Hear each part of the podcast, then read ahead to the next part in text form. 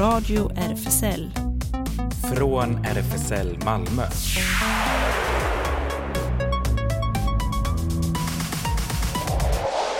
Välkommen till Radio RFSL, Riksförbundet för homosexuella, bisexuella, transpersoner, kveras och intersexpersoners rättigheter.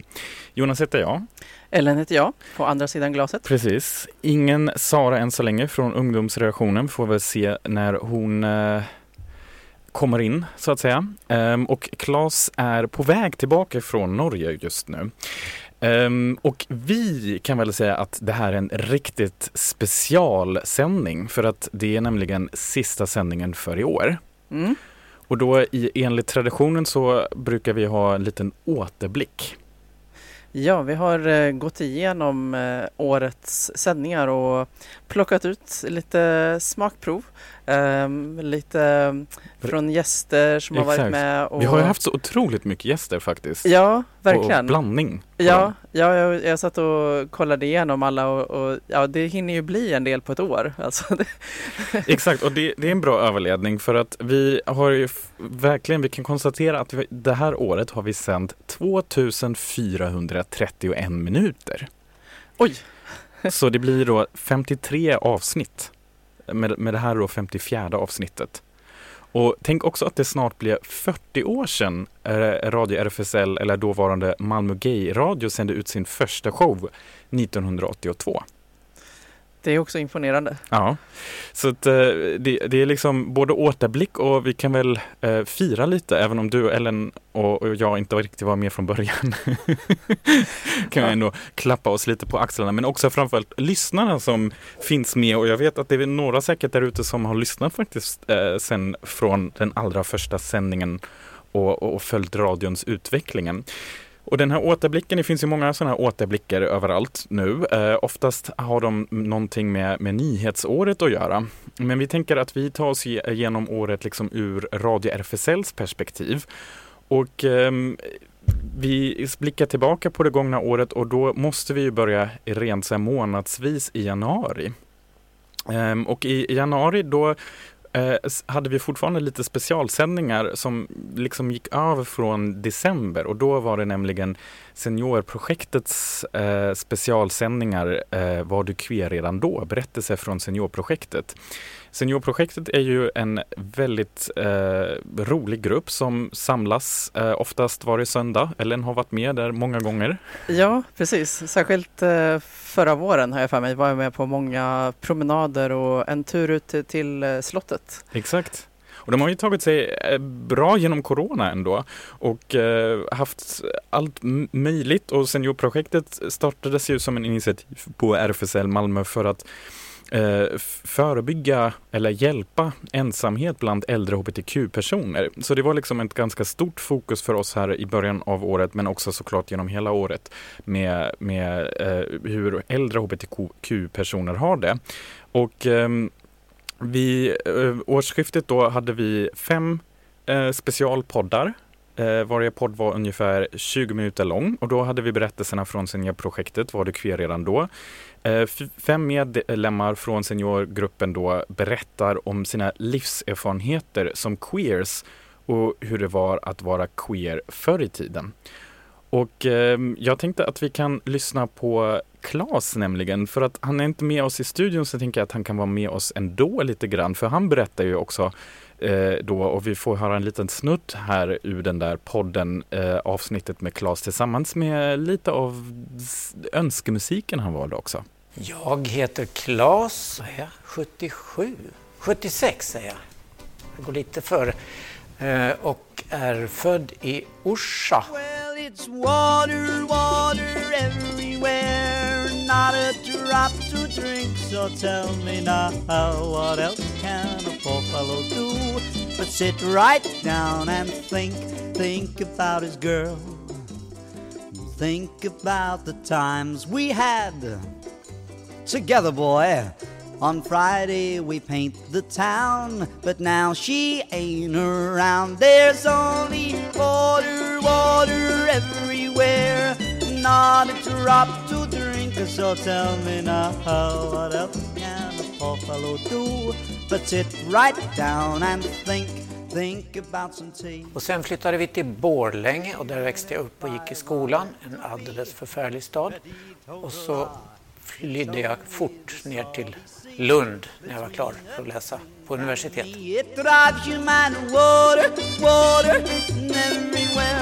Not a drop to drink. So tell me now, what else can a buffalo do? Dalarna i sig är kul, men Borlänge var en ganska bedrövlig stad.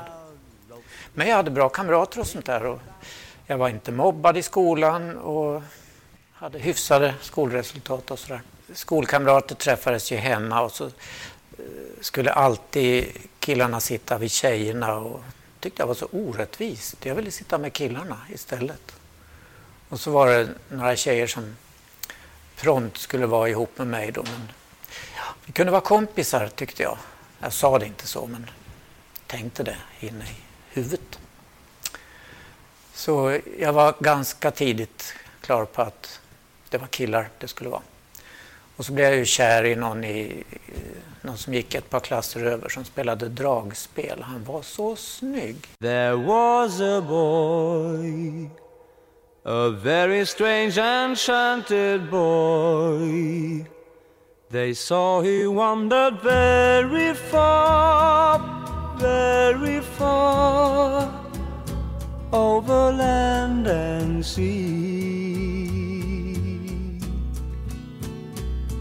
A little shy and sad of eye, but very wise was he. Nej, det dröjde ända till, eh, till ja, vad var jag? 19 kanske något sånt där. Innan jag först fick till det med en kille. Men jag visste ju tydligt eh, innan så att eh, när jag gjorde lumpen så eh, låg jag i Östersund och blev fältjägare kallades det. Det tyckte jag var jättekul. Och det var ju bara killar på, på luckan så det var ju trevligt. Jag prenumererade på en dansk eh, gay-tidskrift som heter EOS. Eh, och den lät jag sända efter med posten då till logementet i Östersund, så den hade jag i mitt skåp. Eh, I eftertid har jag tänkt att det var ju ganska djärvt, för det var skåpinspektion då och då när befälet kom in och alla fick öppna luckorna och visa vad man hade i skåpet. Men eh, det gick bra.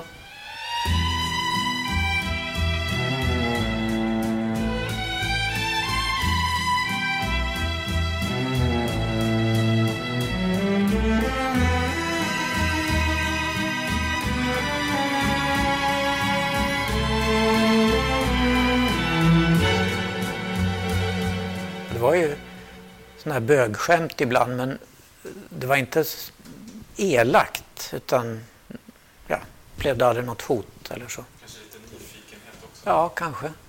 Ja, det var innan, innan lumpen träffade jag en. eh, Det var nog också via någon annons i en tidning, kanske rent av den danska. Eh, En kille i Stockholm som visade sig vara ja, en sån där fin kille från Djursholm eh, som hade segelbåt. Så vi åkte ut och seglade. Men han var inte alls min typ. Så, mm, nej, det var inte långvarigt. Men sen satte jag själv in annon- annons i den där danska tidningen. Eh, och den lästes då av en norsk student i Lund som läste medeltidsarkeologi. Så han skrev till mig ihop med ett antal andra. Men hans brev var mest intressant tyckte jag, så jag svarade honom. Och så fick vi kontakt. Den 1 december 1969 ringde jag på hans dörr. Han bodde i ett student, studentområde i norra delen av Lund. Och det var iskallt och jag hade pälsmössa.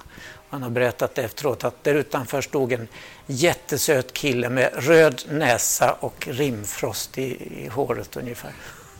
För det var så kallt. Och så tände det då. Så sen blev vi ihop i första omgången i sju år.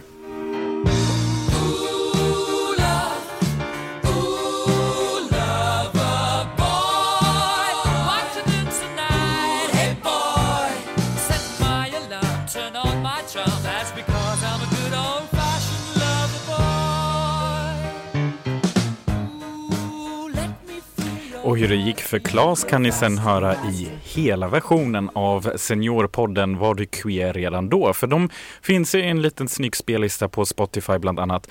Eh, och så har vi länkt ut också till dem på vår Linktree. Och de andra fem berättelserna finns där bland annat, eller de fyra andra berättelserna bland annat Meris också. Och eh, det är inte bara en podd, det blev ju också fem korta filmer. Eh, varje film blev då fem minuter lång och ehm, det, blev, det hela blev då till och med ett event under Pride, en riktig filmvisning och panelsamtal med de här eh, seniorstjärnorna. Men det återkommer vi till eh, lite senare sen i sändningen. Mm. Och eh, den 20 januari eh, gästades vi av Johan Svensson från Teater Diktat eh, för att prata om föreställningar, eh, föreställningen Macbeth Deluxe. Och Lila som är volontärsamordnare för Malmö Pride eh, kom, eh, pratade om sina förväntningar innan World Pride. Och i början av året hade vi fortfarande veckans låt som var ett samarbete med Fingerlicken. Så eh, det kanske blir något mer Ja, i, vi fram- hoppas. i framtiden kan vi hoppas på. ja, och eh, 27 januari eh, uppmärksammade vi Förintelsens minnedag och tipsade om tv-serien Babylon Berlin. Det känns också nostalgiskt. Jag kommer ihåg att jag brände igenom hela, alla avsnitten.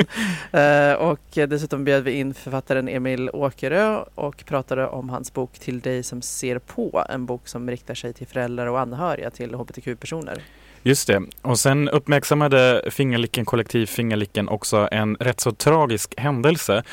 Um, för att uh, uh, artisten, musikern Sophie Xeon, mest känd som Sophie, um, född den 17 september 1986 i Glasgow, avled den 30 januari. En musiker, musikproducent, sångerska, låtskrivare och DJ.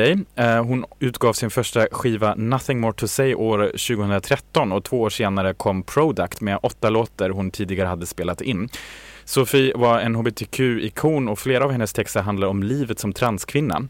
I en intervju i tidskriften Paper, där hon också poserade naken, talar hon ut om fördelarna med att vara transsexuell och Paper eh, Magazine sammanfattade det att eh, Sophies debutsingel och musikvideon eh, till It's Okay to Cry was such a profound statement introducing Sophie for the first time ever as a trans pop star singing intimately about embracing her emotions and flaws.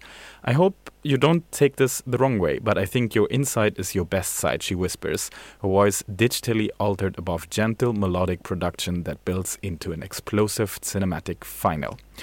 Sophie dog på Attikon University Hospital i Aten den 30 januari 2021, alltså i början av det här året, efter att hon av en olyckshändelse hade fallit tre våningar ner från en balkong då hon hade försökt ta en bild på en fullmåne. Hon blev 34 år gammal och här kommer It's okay to cry.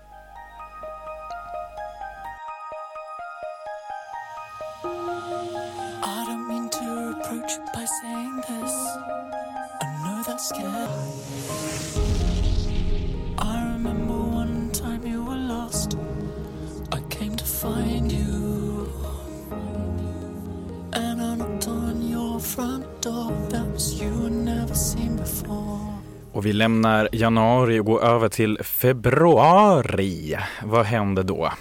Ja, vi gästades bland, an, eh, bland många andra av eh, Joakim Månsson eh, och som kom och berättade om, eh, vad kallas det här, medborgar... eh, Initiativet tror jag. Ja. Just det, regnbågsövergångsställe som, eh, som ju sedan dess har gått igenom. Att, Precis, och Claes plockade upp det och initierade det här i Malmö också. Ja, och sen hade vi serietecknaren Olivia Skoglund med oss och eh, eh, Nikola Jovanovic som eh, ligger väl bakom, är lärare och dragqueen och ligger väl bakom eh, Gumsefittan, eller? Ja. Exakt. på eh, Insta och sen eh, kom eh, Sofia eh, förbi, vår eh, eh, tidigare kollega som gästade oss alldeles förra veckan igen, berättade om Kuchu Story som var kanske en av hennes första Det, det var den projekt. första tror Ja, jag. Mm, Ja. Precis. Mm. Det var väldigt spännande att få henne tillbaka då faktiskt. Och sen eh, i början av mars så kom ju också alla de här filmfestivalerna som Malmö är så känd för drog igång då. Och då var det lite jobbigt med corona och tanken på att det var eh, de här, den här konstiga åtta personers regel och så. Det var jobb, jättejobbigt för kulturbranschen och också här i Malmö. Um, men då fan, kom ju Buff, uh, ungdomsfilmfestivalen och då hade vi en gäst med oss från Amsterdam för att nämna de här internationella gästerna också.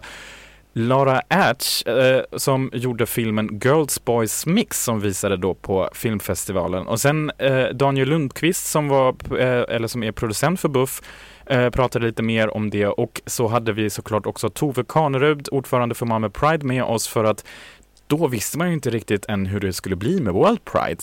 Det var helt uppe i stjärnorna. Man visste inte om det skulle bli någon parad eller någonting. Ja, hur mycket skulle allt vara digitalt? Skulle Exakt. hälften vara digitalt? Exakt. Ja. Det var fortfarande oklart.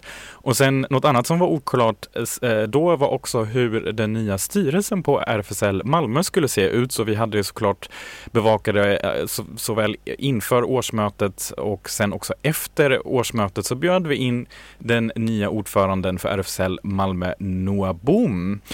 Det var väldigt trevligt och eh, snart är det ju nästan ett år sedan då. Precis, snart dags igen. Precis. Det går väldigt snabbt. Och vi uppmärksammade också en story av äh, Babak Karimi som äh, kom ut med den storyn i tidningen Sydsvenskan om äh, hur han blev överfallen. Väldigt hemsk faktiskt, hela den storyn, i sin egen lägenhet och utsattes för ganska så grov polisvåld. Mm. Ja, så sen verkar han ha återhämtat sig en del, eh, verkar det som, men, men det, lät, det lät ganska hemskt att utsättas för allt det. Eh, men eh, sen i april så eh, gästades vi av eh, Soledad eh, Quintana eh, och eh, en av hennes eh, sexologikursare eh, med anledning av ehm, eh, den här, ja de, de hade riktat väldigt mycket kritik mot eh, Malmö universitet i, eh, för olika eh, slags systematisk rasism och eh, då senast så tog det sig uttryck i eh, ja, en viss ehm, förelä- inbjuden föreläsares föreläsning. Men, så, ehm, så vi fick veta om det. Och eh, Linn från kvinnojouren i Lund kom den eh, i mitten på april eh, och eh, sedan den i slutet så hade vi besök av DQSH, Drag Queen Story Hour, Stefan och Mats. Precis, klassisk eh, drag queen story hour som vi hälsar nu ute i etern för att vi vet att ni tänker på oss och eh, vi tänker på er. Eh, Lady Busty och Miss Shameless som faktiskt ska ha en pre-nyårsfirande imorgon på plan B. Det kan vi väl hänvisa till här också. Och eh, i maj då, då blev det direkt i början något väldigt, väldigt eh, fint vi kunde berätta om. Den 15, 5 maj öppnades Sveriges första hbtq-bokhandel i Malmö och den fick mycket uppmärksamhet och vi från Radio RFSL var såklart med och rapporterade från öppningen. Nu kan vi kanske höra här Lo Mattei som tillsammans med många andra står bakom det som först började som en rullande bokhylla i ett inslag här från den 5 maj. Jag heter Lo Mattei och jag är ordförande för kulturföreningen Page 28 och eh, även en av initiativtagarna till föreningen och projektet och bokhandeln. Eh, tillsammans med jättemånga andra såklart som har varit engagerade och så vidare. Ehm, vad tror du, vad är uppfattningen nu, hur många böcker har ni egentligen? Eh, jättebra fråga. Det har blivit sålt redan massa böcker eh, bara idag men jag tror att det var uppemot eh, uppemot 400 nu. Eh, men ja, nu har en del gått. Och sen kommer det lite mer också med, vi har gjort lite inköp som har blivit lite försenade och sådär. Men, eh, och det ska ju fyllas på. Så om man har några böcker hemma som man har läst och inte längre vill ha med liksom hbtq-teman eller sådär så får man jättegärna komma förbi bokhandeln och lämna dem till oss.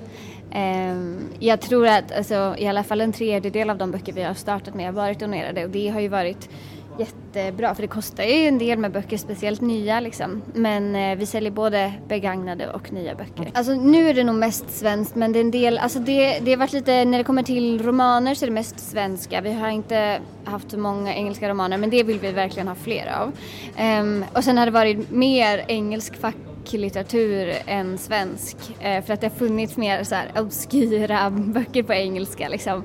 Om typ lesbiska nunnor och så vidare. Men det är lite uppdelat i så skönlitteratur och eh, facklitteratur eller vad man ska säga liksom. Och sen i engelska och svenska. Och sen så vill vi också ha böcker på flera språk. Nu tror jag att det är liksom, det är en ganska skral övriga språkavdelning. Det är typ en på norska och en på franska. Men vi vill ju verkligen försöka utöka det, speciellt med tanke på att Malmö är ett så mångspråkig Vad är det för ställe. bok ni har på norska där? Det är en bok som heter Mellomlinjene som handlar om homofiler i eh, norsk litteratur typ. Så att eh, det är någon så litteraturhistorisk eh, bok om homosexualitet i norsk litteratur. Så den har inte sålts än? Nej, den är, den är väldigt nischad. Men eh, ja, jag vill slå ett slag både för det breda och för det nischade. Ja, vad Så, kul. mm. Ni är ju nu, eh, det har ju blivit ganska uppmärksammat Mm. eh, så här, i media och så och eh, ni beskrivs som Sveriges första och enda hbtq-bokhandel. Hur kan det vara att det inte finns någon annan än? Nej, jag vet inte. Alltså det har ju funnits eh, flera andra så mindre typ feministiska bokhandlar, Hallongrottan, som även hade mycket queer-litteratur. Men vad vi har, eh, enligt våra undersökningar så verkar vi vara den första renodlade hbtq-bokhandeln i Sverige. Och eh, alltså jag tänker att vi startade den här för att vi själva tyckte det var så himla konstigt att det inte har funnits och att eh, att det finns i många andra så europeiska och liksom, alltså stora städer överlag och att Malmö är ju en, en kulturstad och litteraturstad liksom. Så då är det ju ännu konstigare att det inte finns här. typ. Det är väl det. Um, och sen är det viktigt med också platser som är queer, alltså oavsett vad de, vad de gör. Vi vill ju vara en mötesplats också. Och det verkar ha gått bra för nu flyttar Page 28 till en ännu större plats. Den 7 januari blir det invigning på i en lokal på Karlskronaplan. Så boka in det datumet för då kommer vi från radion såklart vara med och bevaka det också. Det blir jätteroligt. Eh, sen lite senare under maj månaden så hade, gästades vi också av Sakmi, lite roligt namn men det och har, kommer inte från engelska, stavas då S-A QMI och det är ett queer-arkiv eh, av queer-rörlig bild. Det var väldigt spännande ehm, intervju också vi hade här. Och sen såklart en shout-out till uh, eh, Klas här, eh, för det var ju också då Eurovision som blev lite konstigt i år det här med corona och digitalt och så, men det blev ju av i alla fall och eh, Sveriges bidrag kommer vi väl ihåg med A Million Voices. Ha, vilken eh, Eh, vilket paradoxon nu att det är just den vi inte ska spela Klas, om du lyssnar kanske, jag vet inte. Men jag tänkte ta nämligen den andra klassiken här som kommer tillbaka sen under, som blir aktuellt senare här i sändningen igen också, Eva Dahlgren, Taxi.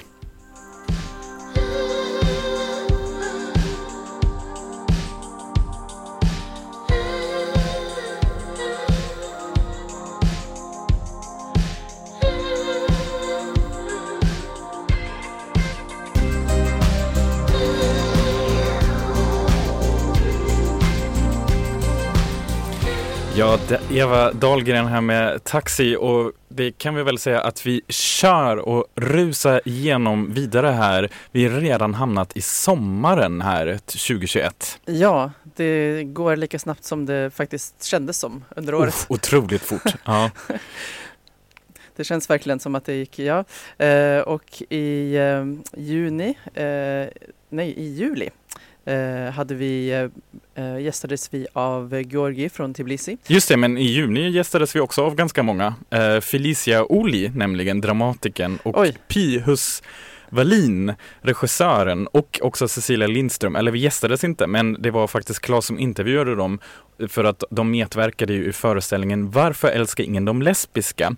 Och då visste vi inte än hur den skulle bli, men det fick vi sen veta under Pride. Eh, och sen hade vi eh, gästades vi av eh, två universitetspräster, är de va? Jonas och eh, Sofia. Eh, och jag, var inte det också ibland i respons på eh, jag tror att eh, Svenska kyrkan hade gett ut eller skrivit ett öppet brev till eh, Exakt. transpersoner har jag för mig. Exakt, Så att jag tror att de eh, med anledning av det vill också ge sitt stöd. just det. Och sen eh, den 16 eh, var det ganska speciellt eh, för att då kom Sara och besökte lokalen och jag tror att det var samma, hon hade varit på Habitat Q och så samma vecka besökt eh, lokalen eh, och sen var, det, eh, var hon med för första gången i eh, och tänkte väl att det kanske var besök mest i studion men eh, så blev hon fast. Ja, visst. och Jael som vi hade som gäst då var i samma sändning, den som blev Saras första. Jael ny, var då ny i Malmö och skulle samordna en poddserie för Malmö Pride och eh, eh, ja och sen så blev det ungdomsradio i oktober sen. Just det, det visste vi inte då än. Nej, men eh, om vi rör oss vidare till juli som blev som klassisk eh, Sverigesommar med mycket regn och moln emellan men sen också väldigt fina bra dagar. Men så hände det mindre roliga grejer i Tbilisi och då eh, blickade vi återigen lite ut in i det internationella här från Malmö. Tbilisi Pride stoppades av huliganer, anti-hbtq-huliganer i juli den femte eh, juli tror jag det var, med stöd av kyrkor, regeringen och det som uppges vara proryska grupper. Eh, och då fick vi möjlighet att prata med Georgi Rovinov, Rodinov som är både konstnär och eh, aktivist och han kunde berätta lite mer om vad som hände då i Tbilisi. Nu tror jag vi har Georgi med oss. Are you with us, Georgi from Tbilisi? Uh, hello. Yes. Can you hear me? Oh, yes. Now we can hear you. Welcome. Okay. So glad you you. could join us. Um, thank you very much uh, for uh, giving me the opportunity to talk about the events, what was happening yesterday and before yesterday in the capital of Georgia. Um, yeah, I don't know how, how to start because uh, Georgia has been always, I mean, already ages uh, fighting uh, uh, for the gay and trans um, rights, um, and um, it's escalating every year, basically on either 17th of May or uh, during the Pride month. And this year as well, it was planned uh, to have a, a small gathering and uh, the the March of Dignity, they would call it, uh, the organizers. But again, like the, the main problem of Georgia is, uh, well, obviously the government uh, in this case as well, but the main problem is the, the institution of the church, the Orthodox Church, uh, which is the strongest institution so far still um, in Georgia. So basically, what they do every year, they, they call um, for everybody to come outside against LGBT rights. Um, and this happened this year as well, and it's it's totally provoked by, by the church, and um, it's it's not uh, it has nothing to do uh, about uh, the gods or whatever uh, we believe the gods uh, can do with this, uh, but it's uh, it's mostly the violence, and um, they even openly call themselves these several groups uh, there uh, who were provoked by church. They even call themselves neo-fascists and nationalists and radicals and everything. So yeah, I think it's it's everything clear what's what's going on right now in Georgia, and um, I don't know. I still want to stay positive and. Um, because, for example, yesterday we had the demonstration also when we gathered in front of the parliament. Uh, the people who didn't like what was happening uh, um, before yesterday, and um, yeah, basically I could I could easily say that we had um, small pride already uh, one day later. Um, All right, you still managed. Yeah, yeah. Um, I mean, there were a lot of tensions. There were a lot of people um, arrested and beaten up again, but um, we still managed to to wave the uh, rainbow flag and uh, give the message to not only Georgians but to the world that um, there is still uh, hope uh, that Georgia will uh, get better soon. And um, I think uh, we are. I don't know if we are going on the right direction, but uh, I still have this hope in my heart.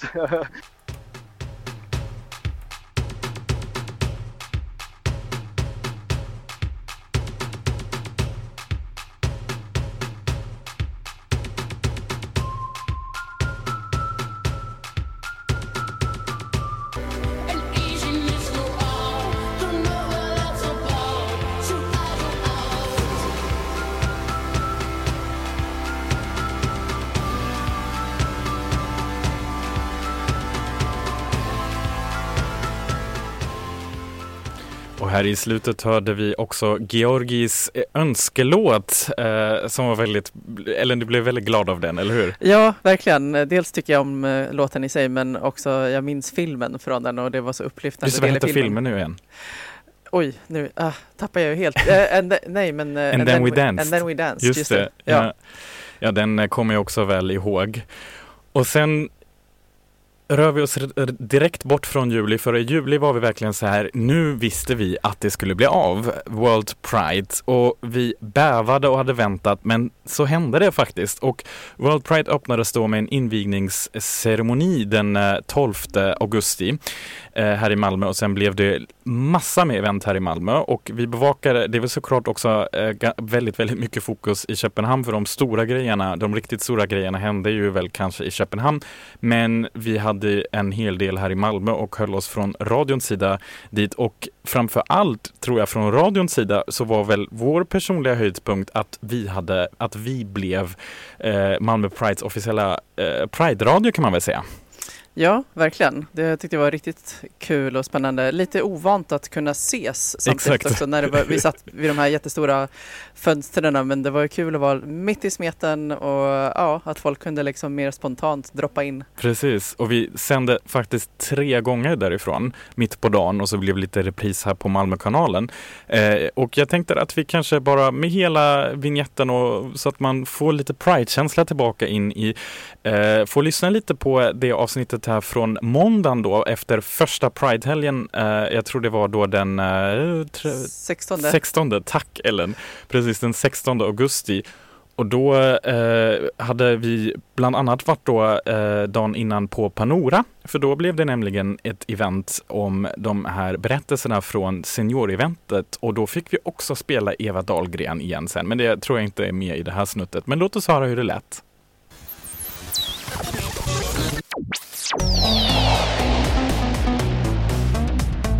Radio RFSL. Special. Pride Radio, World Pride 2021.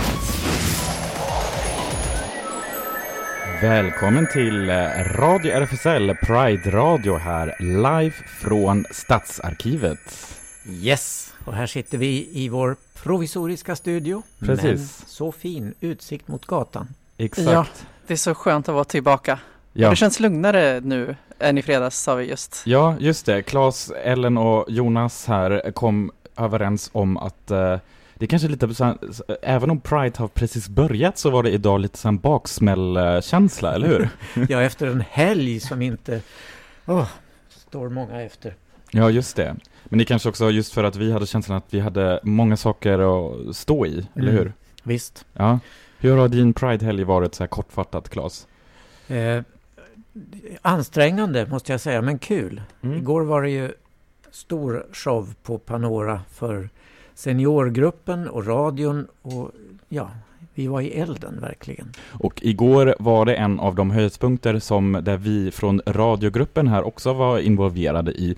Nämligen äntligen fick vi då visa upp de här filmerna från Var det queer redan då? Berättelse från seniorprojektet på RFSL Malmö för att uppmärksamma. Det var en hel temadag då med flera visningar eh, i sträck, en hel eftermiddag som skulle uppmärksamma då äldre hbtqi-personers eh, ja, så här synlighet, ensamhet, det är det vi snackade om, historien, uppmärksamma sin egen historia och eh, den första visningen var då en dubbelvisning med eh, dera, de här fem intervjuerna där du Claes också medverkade i och sen visade vi den här fantastiska filmen Väninnor från eh, 1996.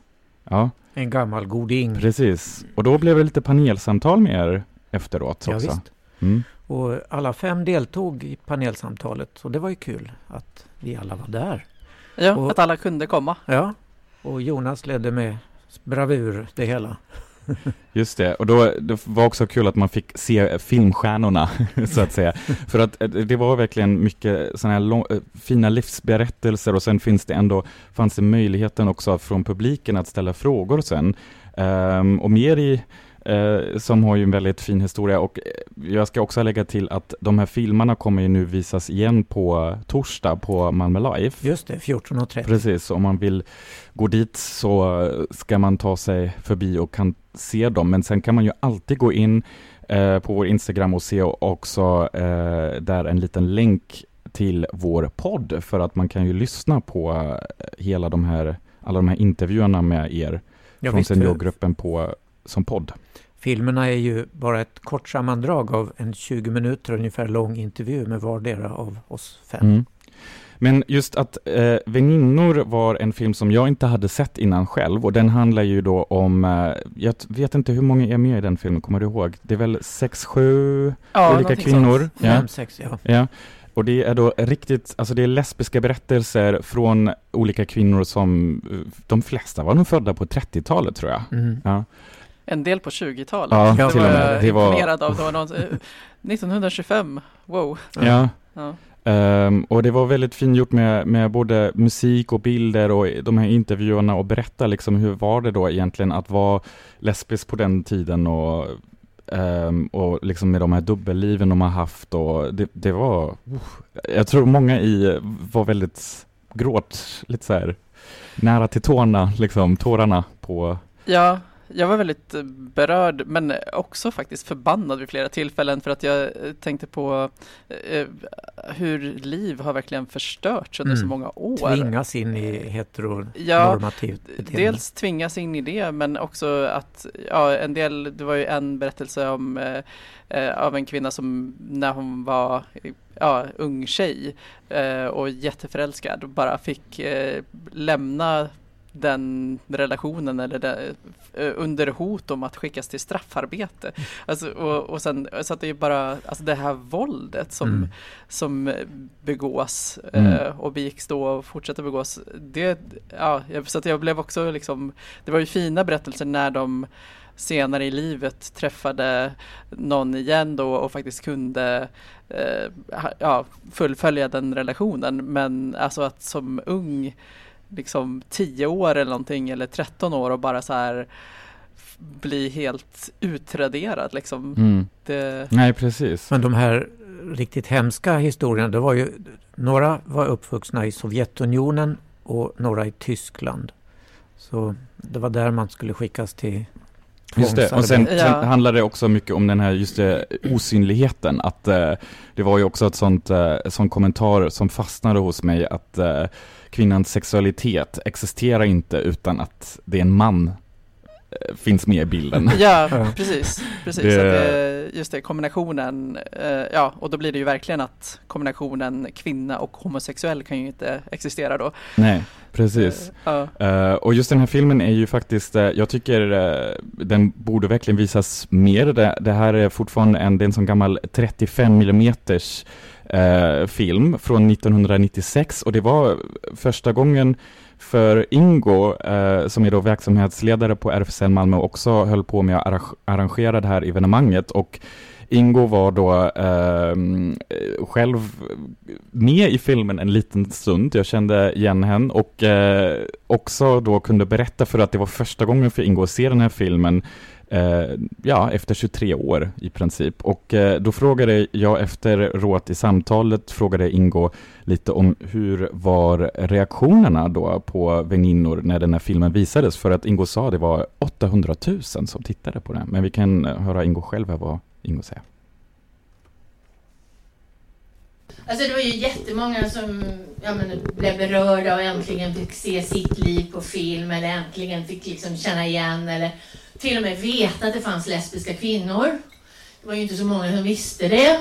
Det här var ju 96 och som vanligt hade det varit liksom väldigt mycket, ja men du vet, det var mycket separatistiska liksom, man höll sig i sina grupper och sådär och Precis, och det, precis, det var den, den uh, upplevelsen då, och jag tyckte också det var så intressant för att just den här, hon, den uh, tyska kvinnan, um, där, eh, som, som, hon, hon var så krasst hur hon uttryckte sig också, för hon hade ju då också det här dubbellivet med att hon eh, gifte sig med en man och sa också så här, men det, på den tiden det fanns liksom inte ens en frågan om om man inte skulle gifta sig eller inte så. Um, och då uh, hade hon liksom, det var, det var liksom så här arrangerat äktenskap, uh, lite så här skenäktenskap, för mannen kände nog till hennes läggning. Samtidigt sa hon också så här, det här var rent för ekonomin, att hon gifte sig liksom. Hon gifte sig för pengarna. Ja. Mm. Och, och, och, hade liksom eh, hon, eh, då hade hon sin flickvän och, eh, från Danmark och som skulle komma upp och hälsa på ibland och när de gick ut på fester ibland då sa mannen att eh, ja, this is my wife and my mistress. ja, det tyckte jag också var intressant att hon sa ju att ja, vissa gick ju kanske på det men andra i den här kretsen verkar ju fatta hur det egentligen låg till och då blir det sånt himla spel. Att dels har ju de egentligen ett skenäktenskap eh, och sen så ja, hennes faktiska förhållande är med den här kvinnan. Eh, så det är ett spel och ett annat spel då är från vissa av vännerna som verkar fatta men inte säger det rakt ut så de spelar också som att de tror att äktenskapet med mannen är ett riktigt förhållande. Så det är ett spel från så många, alltså kan inte folk bara, alla vet ju om det här, det blir så absurt. Nej, precis. Och sen eh, efteråt så fick vi också prata då ganska mycket, Meri hade ju också eh, många sådana tankar kring just hur eh, det har förändrats i samhället jämfört, alltså från den tiden jämfört nu med idag.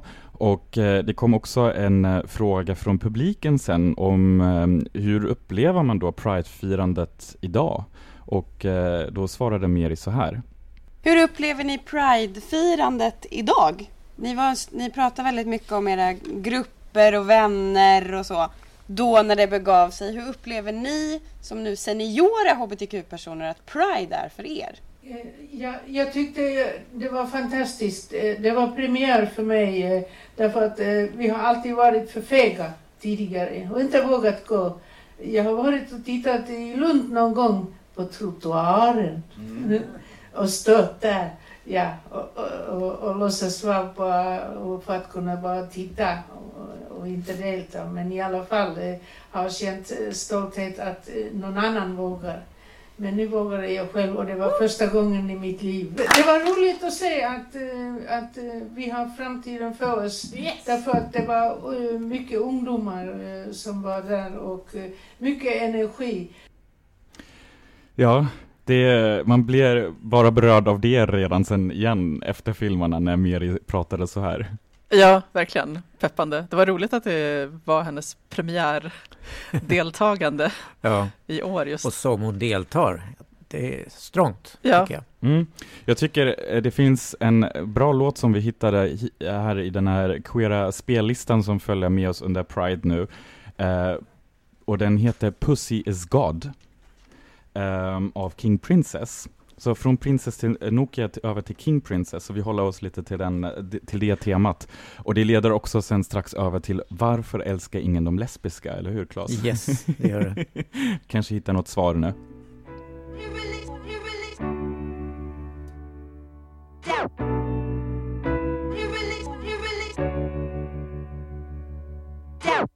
Your pussy is God and I love it Gonna kiss me real hard, make me want it. I think star signs mean nothing, but I know you feel right, so I'm coming. Gets hard when you're getting up late in a good match, but I win when I hit that. I'm cool if you love me up, knocked down from some other love, but their best wasn't good enough. Ja, och det blev ju... Oj, nu hade jag, det var liksom mina hörlurar här igen. Ibland kan det vara svårt när man inte hör sig själv på radion, men man vet att man hörs utåt. Ja, det är svårt att veta vad ska man jämföra med. Liksom, ja, man vet att något går ut, det här når andra, men själv, man är inte deltagare i det Nej, man själv gör. Exakt, det blir lite filosofiskt nästan. Men det um, gick då tydligen eh, väldigt bra ju för Pride-radion.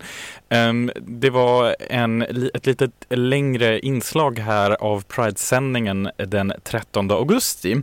Jätteroligt här i slutet där Meri fick eh, kommentera också hur det var att fira Pride eh, förr i tiden.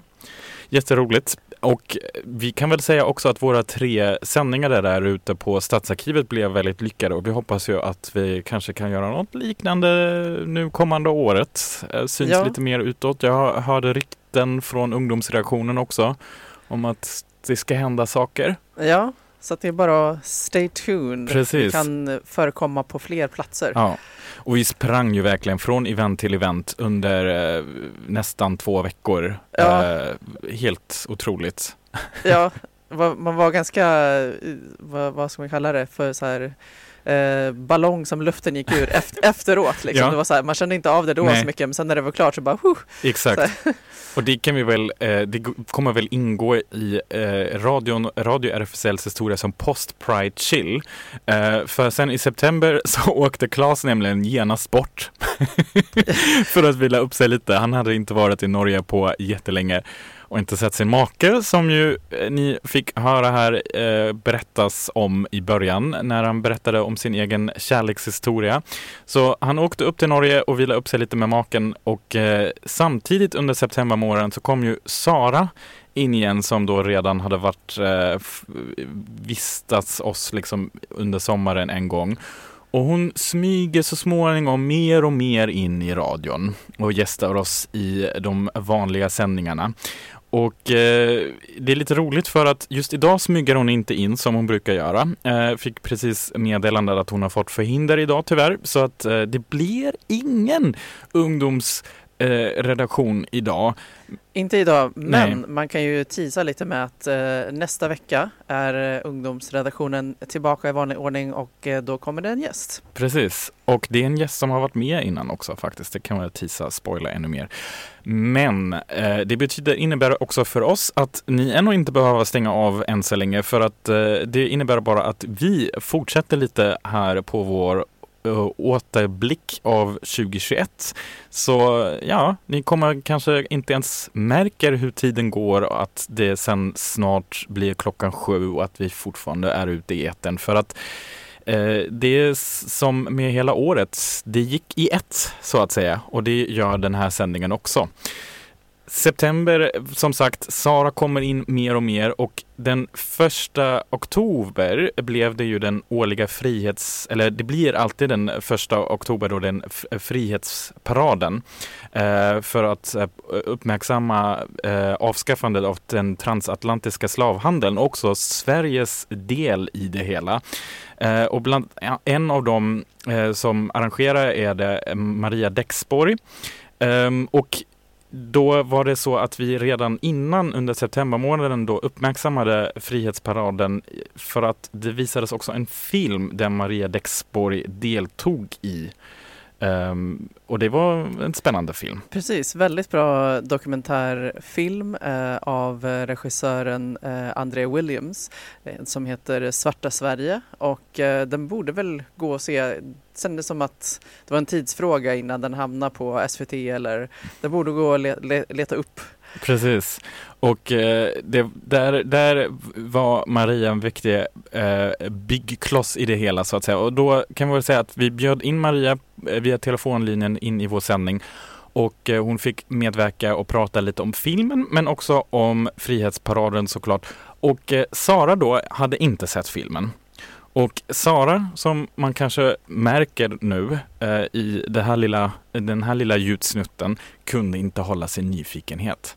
Jag vill bara säga, detta är Sara förresten, eh, hur intressant det är och hur imponerad jag är med ert arbete. Jag har inte riktigt sett filmen men jag kommer absolut se filmen nu efter detta för det är verkligen jätteintressant om hur du pratar om det och att vi inte riktigt tar ansvar i det vi har gjort och hur det har bidragit eh, till Sverige som nation och allt detta eh, är väldigt, väldigt, väldigt dåligt alltså på vår del och respektlöst mot den afrikanska alltså community som ni är.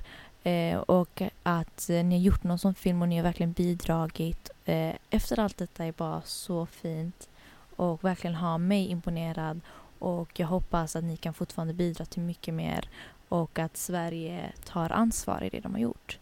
Eh, verkligen, så tack så mycket. Tack så mycket. Ja, ser du Maria, det, det, det har verkligen eh, effekter. Det var ju också lite så det kändes i, i filmsalen direkt. Eh, Det var många frågor som kom efter filmen, eller hur?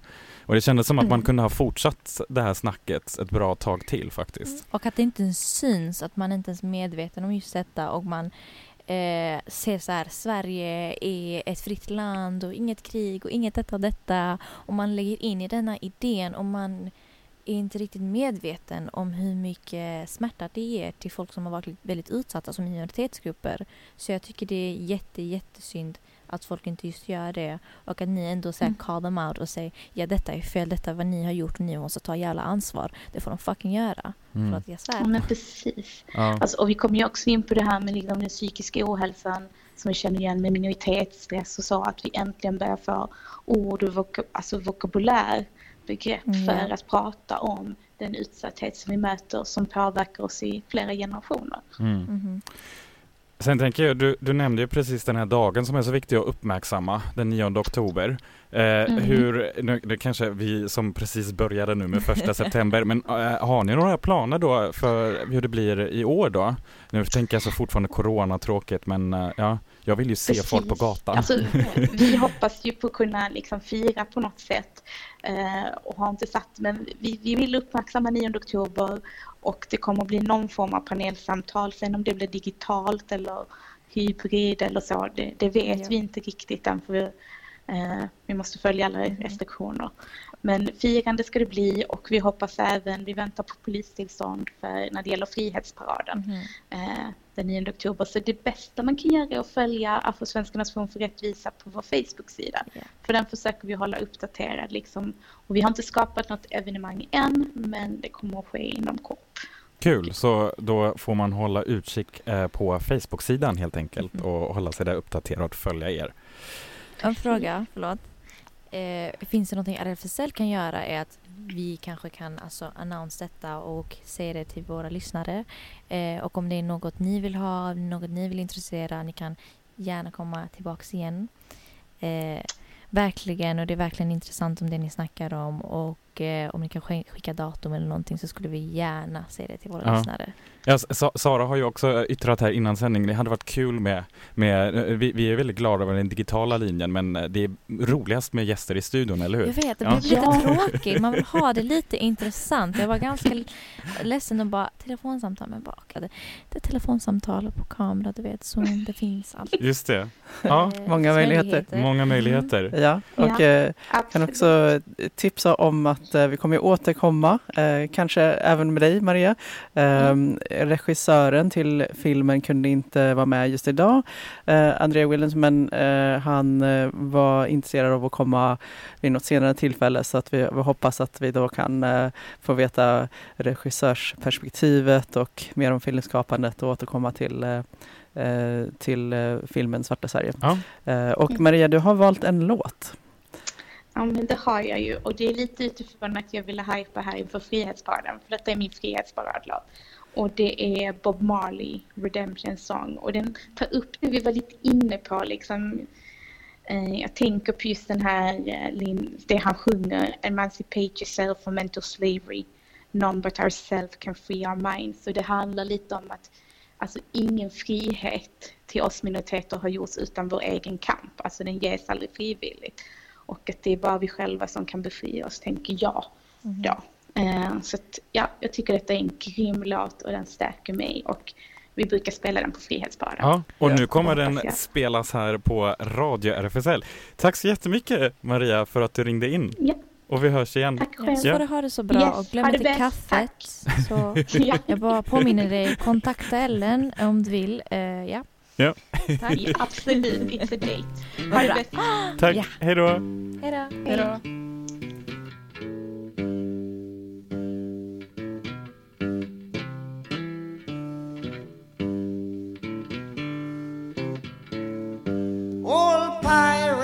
Yes, they rob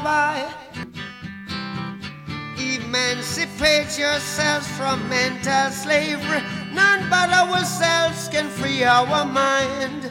Oh, have no fear for atomic energy.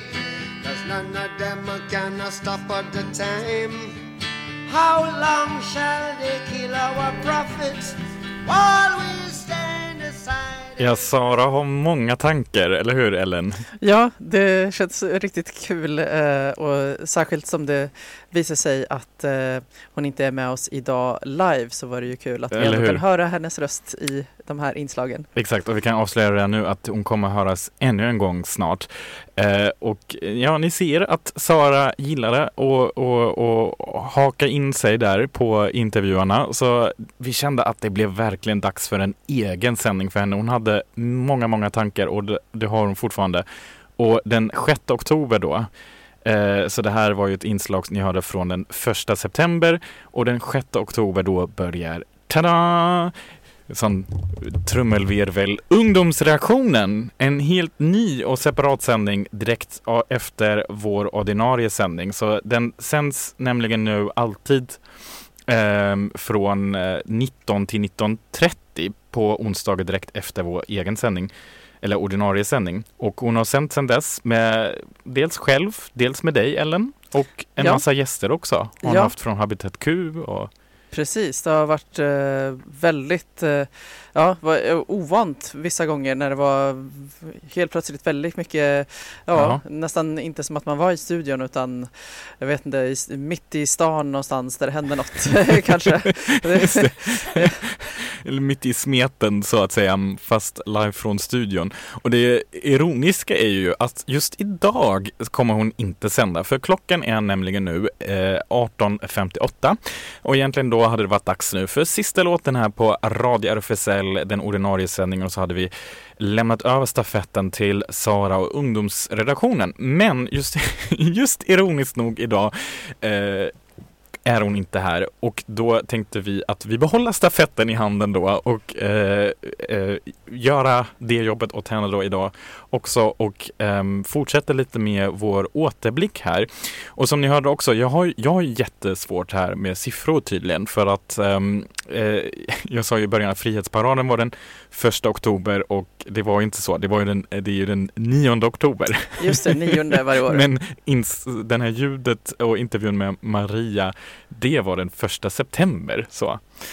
Ehm, och ja, då visste vi inte med corona, men nu vet vi i efterhand att september och oktober blir nog en av de bästa månaderna personligen tycker jag. Eh, för då släpptes nämligen alla restriktioner i Sverige. Just det, det minns jag. Det, ja, det var nästan lite, man visste inte riktigt vad som hände Nej. och gick förbi och såg ställen som eh, plötsligt, dels var de öppna Ja. eh, och så fanns det folk och Exakt. så, oj, ja. Exakt, och så var det nämligen för då blev det nämligen en, en ordentlig frihetsparad, inte alls digitalt, den blev fysisk och eh, blev väldigt lyckat som jag hörde av flera deltagare och ehm, uppskattades väldigt mycket och men som sagt det är lite, vad ska man säga, så här postapokalyptisk i apokalypsen eller något sånt. Alltså, det är liksom metanivåer. För att eh, nu, nu, det det här är liksom inte ens tre månader sedan. Men eh, nu, nu, nu har vi ju restriktioner igen.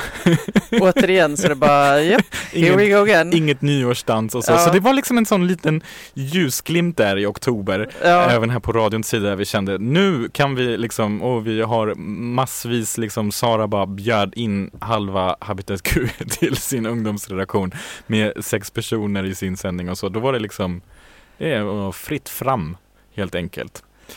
Ja, och sen i november fortsatte lite det, så att trots att det var höst så var det ändå ganska ljuvlig stämning här inne på radion, eller hur? Ja visst, det fortsatte med gäster som var här eh, på plats, Mm, eh, inte, inte bara digitalt. Nej. Eh, för till exempel den 27 oktober då, eh, nästan in på november, då kom Jana Donkic från eh, RFSL Rådgivningen att berätta om det nya BIPAN-nätverket. Ehm, det var väldigt spännande. Hon fick ju ganska mycket uppmärksamhet för det här nya nätverket också i bland annat Sydsvenskan. Ehm, och så blev vi faktiskt också filmade här eh, en gång, nämligen den 20 oktober. Då var det världens bästa äldreomsorg.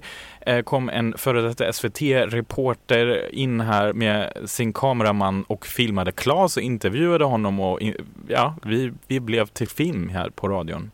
Ja, just det. Och den kan man se, mm. eh, har jag för mig. Var är det? Precis. Har du, har du i huvudet? Ja, det finns en sån Youtube-kanal som heter Världens bästa äldreomsorg. Då går man in och då eh, scrollar man igenom det i flera avsnitt tills man hittar eh, Klas ansikte. Och om man inte vet hur Klas ansikte ser ut, då kan man till exempel gå in på vår Instagram, radio.rfsl.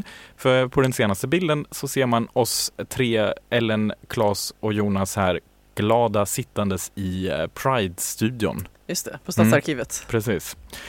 Och sen um, den 3 eh, november så blev det, uh, då blev det riktigt spännande för då blev det nämligen, eh, snackade vi om RFSLs kongress och då snackar vi alltså förbundet för hela Sverige. Uh, för den var oh, riktigt sån rollercoaster. Man visste inte riktigt hur det skulle gå ut. Ja, precis. Mycket, mycket oväntat och tvära kast vad jag förstår. Jag, jag, var inte riktigt, jag var inte del i det när det hände men jag, jag fick det lite i efterhand. Bara, Oj, det där verkar ha gått uh, ja liva till. För att sammanfatta så blev det inte som valberedningen hade, hade tänkt eh, för att den som nominerades till ordförande hoppade av i sista stunden. Och då fick man nämligen nominera en annan. Ehm, och den an andra som då verkligen med, jag tror fem dagars varsel eller något, eh, fick veta eh, blev då invald och det är Trifa Shakeli. Och Trifa Shakeli blev då såklart också vår gäst här i studion den 11 november efter att hon hade valts. Nu är hon ny förbundsordförande för RFSL och hon har eh, verkligen redan suttit ordentligt igång med sitt arbete kan man väl säga. För att idag såg jag också på RFSL en, en sån återblick på det arbetet man har gjort här, eh, försökt eh, i Sverige med vad gäller transrättigheter och, och hbtq-rättigheter, queera rättigheter i allmänhet. Kan man väl också snabbt säga då i samband med det att det var ju eh, Trans Awareness Week då eh, veckan under den, eh, när det var den 17 november när vi sände då uppmärksammade vi det också. Eh, veckan därefter blev det och eh, RFSL då skrev att eh, ja, man, man vi får också faktiskt fira framstegen för hbtqi-personer de senaste tio åren här. Um, så att det, det, det, det, är liksom fler som får gifta sig med den de älskar. Fler länder har legaliserat samkönat sex. Det är också någonting som vi har rapporterat ganska mycket om här i nyheterna. Det är enklare att ändra juridisk kön och eh, det idag låter 25 länder transpersoner ändra juridisk kön utan krav på medicinsk behandling eller andra hinder. Så detta var det, liksom, det är ett enormt framsteg um, och då eh, sen 2012 då Argentina blev det första landet i världen med en sån lagstiftning faktiskt. Och eh, Argentina har fortsatt sen att gå i bräschen för transrättigheter och 2021 det här året införde landet ett tredje juridiskt kön. Och trots några bakslag blir alltså läget allt bättre och bättre i världen. Det finns dock mycket kvar att kämpa för. Blodgivningsregler, tillgång till könsbekräftande vård, införandet av ett tredje juridiskt eh, kön exempelvis, vilka framsteg för hbtq-personer, eh, alltså som återstår också är liksom viktigt. Och det är också någonting som Trifa Shakili redan uppmärksammat. Och om man vill se, veta lite mer om hennes bakgrund så får man ju lyssna på vår sändning då som vi hade med henne eh, den 11 november. Men också annars finns en jättebra längre intervju i QX Um, där hon pratar om uh, vad hon har gjort innan. Så till exempel om ni inte visste att hon var utbildad jurist och socionom och att hon har både bott i Boden och Göteborg och att hon även arbetade ett tag som dubstep-DJ. Ja, och uh, så man kan ju bli lite förvånad och det blev nog uh, Sara också, tror jag, mitt i sändningen här. Kan vi höra henne? Ja. Jag får ställa en fråga bara. Det, jag tänker det var hela den processen när man ska väljas till ett sånt här val.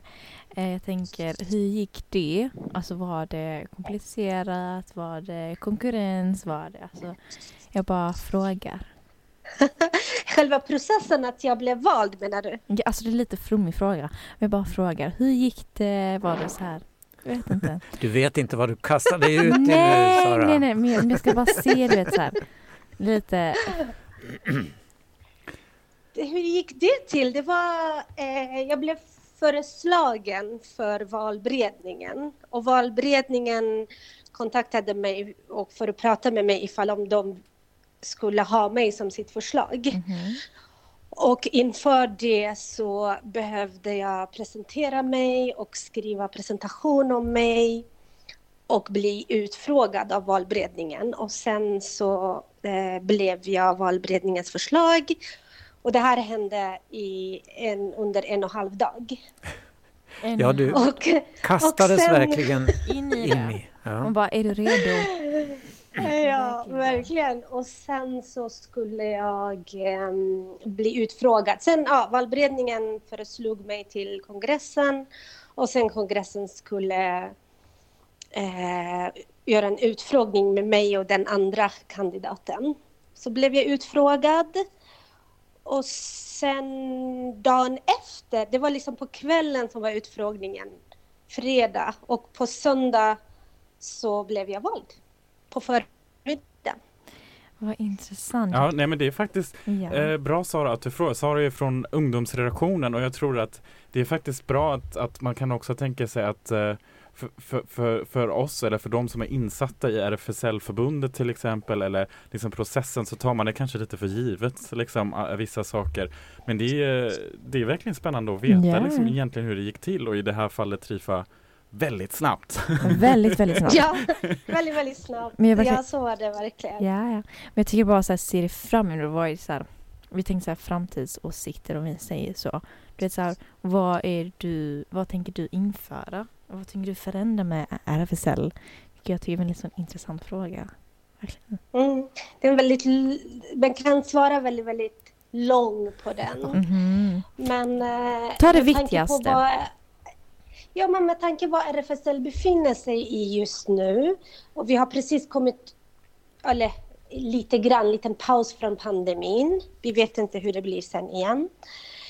Och eh, vad den har, pandemin haft för konsekvenser med, eh, med tanke på våra utbildningsprogram eh, och så vidare. Men också vilka eh, frågor som har lett till stora och små konflikter inom RFSL.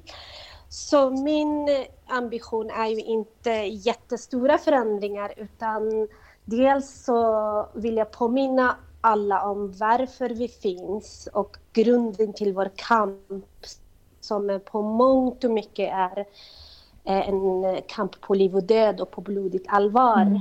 för oss och för våra livsvillkor och överlevnad. Eh, och också för att vi ska vara en stabil och trygg organisation för alla våra medlemmar. Eh, knyta ihop våra aktivister på gräsrotsnivå till och göra trygg arbetsplats för alla som är anställda och jobbar på RFSL. Så ehm, jag tänker erbjuda en trygg och stabil ledarskap. Det låter jättebra. Triffa lite grann om dig själv. Eh, om mig, det är en väldigt öppen fråga. Du gör det lätt för dig. Ehm, jag kom till Sverige som vuxen och då hade jag redan en, en juristexamen i min bagage. Eh, och jag landade i Boden. I Boden? Eh, Oj, jajamän. i snön. eh, i snön. Och sen eh, ah, så småningom så hamnade jag i Göteborg och där har jag bott längst egentligen. Eh, läst socionom och redan från första dagen när jag gick på socionomutbildningen så visste jag att jag ville arbeta med påverkan arbeta och jobba inom frivilliga organisationer. Så då började min aktivistiska bana genom nu skrattar jag åt det, men då heter den Svartskallebrigaden. eh, och, och sen Ingen människa är legal och där så började mitt eh, jobb, mm, feministiskt, antirasistiskt och hela den här newcomers kommer ju från eh, det, början var en hbtq-gruppen Ingen människa är legal. Så det var ju grunden till newcomers Mm. som, som eh, jag tillsammans med, eller jag, vi tillsammans med eh, RFSL Göteborg startade. Och det var då började min, min politiska bana i Sverige. Kan jag få bara fråga en sak? Jag bara tänkte på, vad, vad växer du upp? Tänker du kom ju här som vuxen. Ja, jag växte upp i Kurdistan, eh, både irakiska delen eller södra delen och iranska delen. Nej, Eh, du måste ju jag skämta. har- Du måste ju skämta med mig. Nu, förlåt Rifa. Alltså grejen är, jag är kurd. Så det är så här, kurd till någon annan. Eh, jätteintressant. Jätteroligt. Jag tror Jonas sa det till mig förra veckan, fast jag kommer inte ihåg. Så okej, här- du kommer från den iranska delen. Iranska och irakiska. Jag Iranska är född i irakiska oh, delen. En Men jag, blandning hjärtat. En blandning. Precis som jag. kolla, vi är redan självförändrade. Ja. Se där, band knyts Mm. mellan ja. Stockholm och landsorten. Det blir bara lite längre pendling, det är inga fara. Nej, Kom hit det är gärna. okej. Det går jättebekväma tåg. Precis. Ja. Ja, ja. Så jag kommer. Ja, så bra. Du är Mm. så Vi välkommen. kommer vara på plats dock. Jag kommer Ja. vara på plats. Jag vill träffa dig. Sara måste ju träffa. Kurder emellan. Ungdomsredaktionen har Nej, men- bokat in men det jag blir redan. så jävla glad. Jag blir så, så glad jag blir att det är så här, vet så här, och, eh, du vet RFSL huvud, huvudperson är kurd och en kvinna, antirasist, feminist, jurist, psykolog, nej socionom, förlåt. Allt det samtidigt och är här och jag som kurd Oh, jag dör. Jag blir så glad, förlåt. Ja, Sara det sitter här och hoppar men, på men, stolen. jag ser, men jag ser mig själv representerad, vilket jag inte gör annars. Det, detta är bara fantastiskt. Ja. Fortsätt, förlåt. Jättebra. Okej, hoppas att du kommer snart och att vi kan ha dig live kanske i studion. då, Precis, när och då får du välja nämligen ännu fler önskelåtar Mhm. Trifa. Men du har ju redan nu fått välja två. Du kanske vill berätta om din andra önskelåt då? Det är en låt från artisten Jale som också är kurd. Och eh, grejen så här, jag har faktiskt en hemlighet att avslöja här. Och det kanske inte är någon stor, men jag har jobbat, alltså jag har fått gage för att eh, DJa i ett helt år. Nej. Hon DJ I mina också. unga dagar. Ah, I dina unga dagar. Du är DJ, socionom och du är jurist och du är ordförande. Trifa, inga fler hemligheter Nej, längre. nej, men jag orkar inte. Sara kommer inte klara sig. Nej, Det finns mer, men jag ska inte avslöja. nej, men du Ah. är i mitt hjärta. Hjärta, du är mitt hjärta. Från och med nu, okej? Jag ska snacka med dig sen. Tack här. Verkligen. Fortsätt. Men den här låten det är från Jala och jag älskar, älskar den elektroniska touchen i den och musikvideon till den här låten är också helt underbart. Så därför jag valde den. Super. Tack. I'm in love heter den till och med. Precis, Ja. kolla in den videon. Tack Mm. Så jättemycket för att du Ja, var med ja. oss och så hoppas vi att vi kanske får det Hej då. live i studion. Ta hand om Mm. dig. Hej då. Tack själva, hejdå! Hej.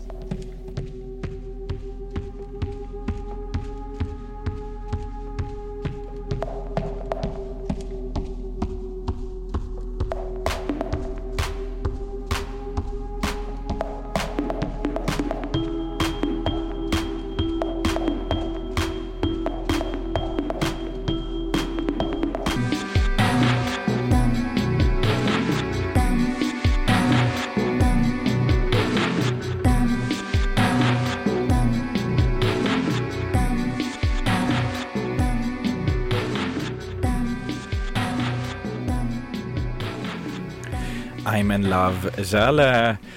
Jätteroligt att få höra Sara här som ändå inte är med idag live men var då här och intervjuade um, Precis, oj, nu bettlar vi här om eh, knapparna Ellen och jag. men som ändå då var med och intervjuade eh, Trifa Shakeli, ordförande, nya förbundsordförande för RFSL och också innan dess då Maria Dexborg. Ja, nu är det ju verkligen så att då var det redan 11 november, 11 11 och eh, då, det, det, det är ju lite så att det är klart att vi har de här minnen nu från november och december, de ligger ju närmast så att säga, så de är ganska färska för oss, eller hur? Ja, precis. Men vi, vi pratar just om att eh, ja, det, det kollektiva närminnet kan vara ganska eh, kort och att när vi själva hör inslag från eh, i somras eller i ja, våras så, så känns de väldigt avlägsna men var ju väldigt stora då. Just det. Ja, verkligen. Och eh, som sagt, vi fortsatte ju sen i november med Trans Awareness Week och eh, Eh, den 24 november så hade vi Micke och Niklas med oss från Checkpoint Skåne. Också väldigt roligt. Eh, Sara var med då också och eh, blev jätteintressant samtal för sen den eh, första december så är det, vad, blev det ju eh, världs-aids-dagen och det blev det, Just i år kändes det lite speciellt med världs-aids-dagen just för att, ja just det, det var ju en annan pågående pandemi som man, på tal om korttidsminne, men det här som hade redan pågått då sedan 80-talet. Eh, och då var det ju på den tiden, eh, min partner själv kollar nu på den här tv-serien som vi faktiskt också tipsade om här i år, It's a sin. Och då eh, kom han på att säga att, ja just det, då var det ju den amerikanska eh, smittan. För att den spred sig mest till Europa från USA. Den vandrade ju också så här flera gånger fram och tillbaka och då, då var det liksom den amerikanska gaysmittan. Ja, just det, som den då hette. Mm. Ja, Med tanke på hur man eh, kallar nu alla de här mutationerna och så eh, av coronaviruset. precis, att man lokaliserar till ett land. Mm, Eh, precis. mm. För det gjorde man då också, men då gjorde man det faktiskt för en gångs skull då med USA. men Ja, då var det det också så här, ja exakt, och då var det eh, just att, ja men det onda kom från USA, men det onda kom ju också framför allt från eh, the gays, Mm. som vi vet. Ja. För vi är de onda. Det var straffet för det syndiga levernet. Ja, exakt. Eh, intressant nog också som sagt att det återstår ju väldigt mycket på eh, fronten. Man har kommit väldigt långt där i arbetet mot hiv. Samtidigt som man också kan undra lite så här att ja, det gick snabbt med ett coronavaccin och sen helt plötsligt i samband med det så kommer man också lite längre med ett hiv-vaccin helt plötsligt och avslöjade att man eh, faktiskt ska börja med kliniska studier snart. Eh, så att inte nästa år, men eh, 2023 om jag minns rätt nu, eh, blir det dags för de första.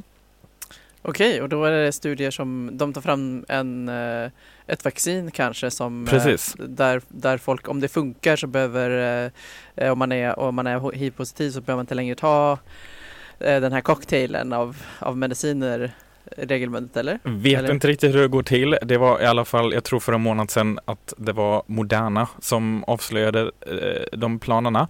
Eh, lite sådär inför världs-aids-dagen. Mm. Spännande. Ehm, verkligen mycket att tänka på om man tänker årstider och så, så, för det kan vi ju liksom inte riktigt förhålla oss till längre. För att eh, ja, innan så var det liksom vår, sommar, höst och december och liksom vinter. Men nu känns det mer att man går lite i så här coronavågor, blir, blir liksom Ja, nya- först är det de en, en annan eh, tideräkning. Det, dels är det liksom BC, before, before corona, före och efter och sen, eh, och sen räknar vi liksom efter vågor. Liksom. Ja. Att det, ja men under andra vågen, eh, var inte det, gjorde vi inte det då under andra vågen? Nej, det var nog tredje. Just det. Ja, vi får väl se hur det se, blir sen. Men eh, nu kan vi också säga att hela december har varit från vår sida ganska lugn. Vi har haft eh, 8 december hade vi Linnea Lundborg och Ilva Oknelid Lid med oss eh, som pratade om sin nya bilderbok och Malmös regnbågskör gästade oss här också i studion. Och eh, då eh, åkte, passade eh, Claes på att åka och hälsa på maken i Norge igen. Så du ser hur hela hela cirkeln liksom Sluter sig. sluter sig nu eh, inför nyår. Kommer, han kommer nämligen tillbaka just idag, sitter kanske just nu på ett flygplan eller redan landat, vem vet. Ja. Men det innebär ju också att vi närmar oss nu här slutet av den här sändningen, återblicken 2021. Hur känns det Ellen? Du sa redan fort som fan. Ja, swish, rullskridskor genom, ja.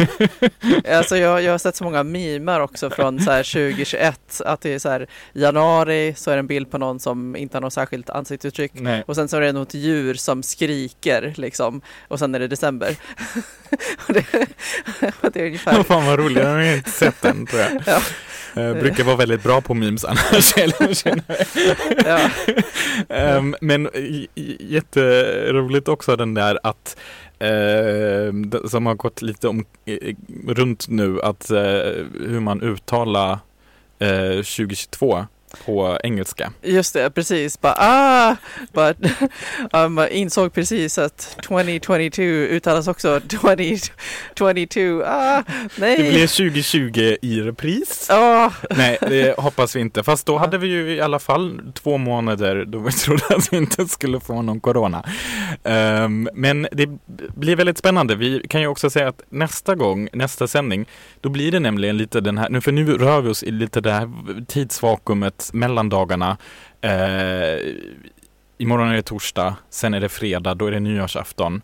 Och sen, vet- fan vad som händer. Så vi tänker att nästa vecka ska vi blicka framåt.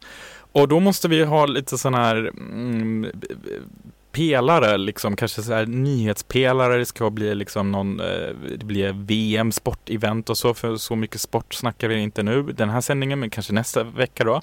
Och ja, eh, lite sådana vad vi kan se längs vägen. Blir det Pride? Vad, vad, hur planerar folk? Vad har man lärt sig av eh, hybrid-event och sånt? Ja, och kanske kan vi tipsa om lite saker för att eh, Malmö Opera och eh, teatern brukar väl eh, komma ut. De har kanske redan kommit ut med eh, vår, vårkalendern. Precis. Eh, så det kan vi kanske tipsa om. Precis.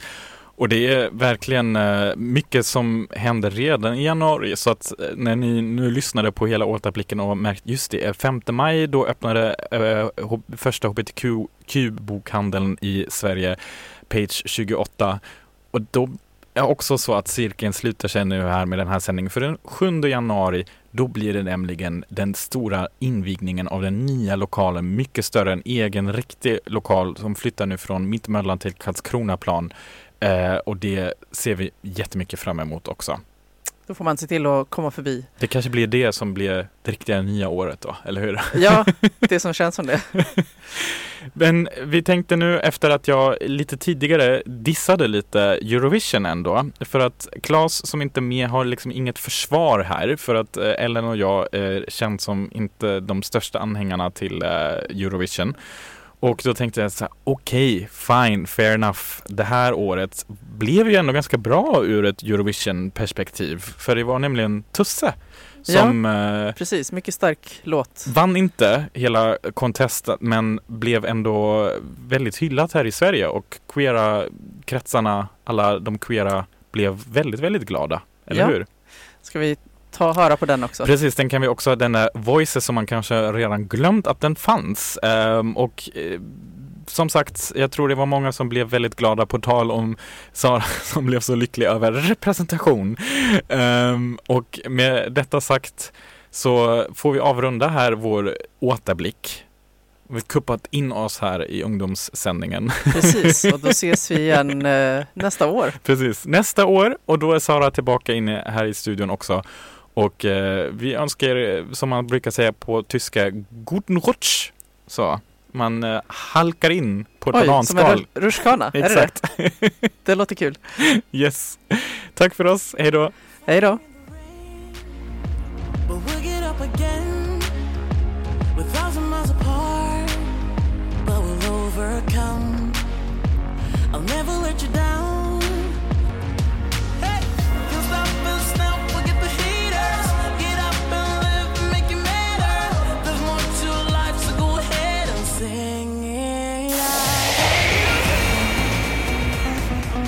Här var Radio RFSL. från RFSL Malmö.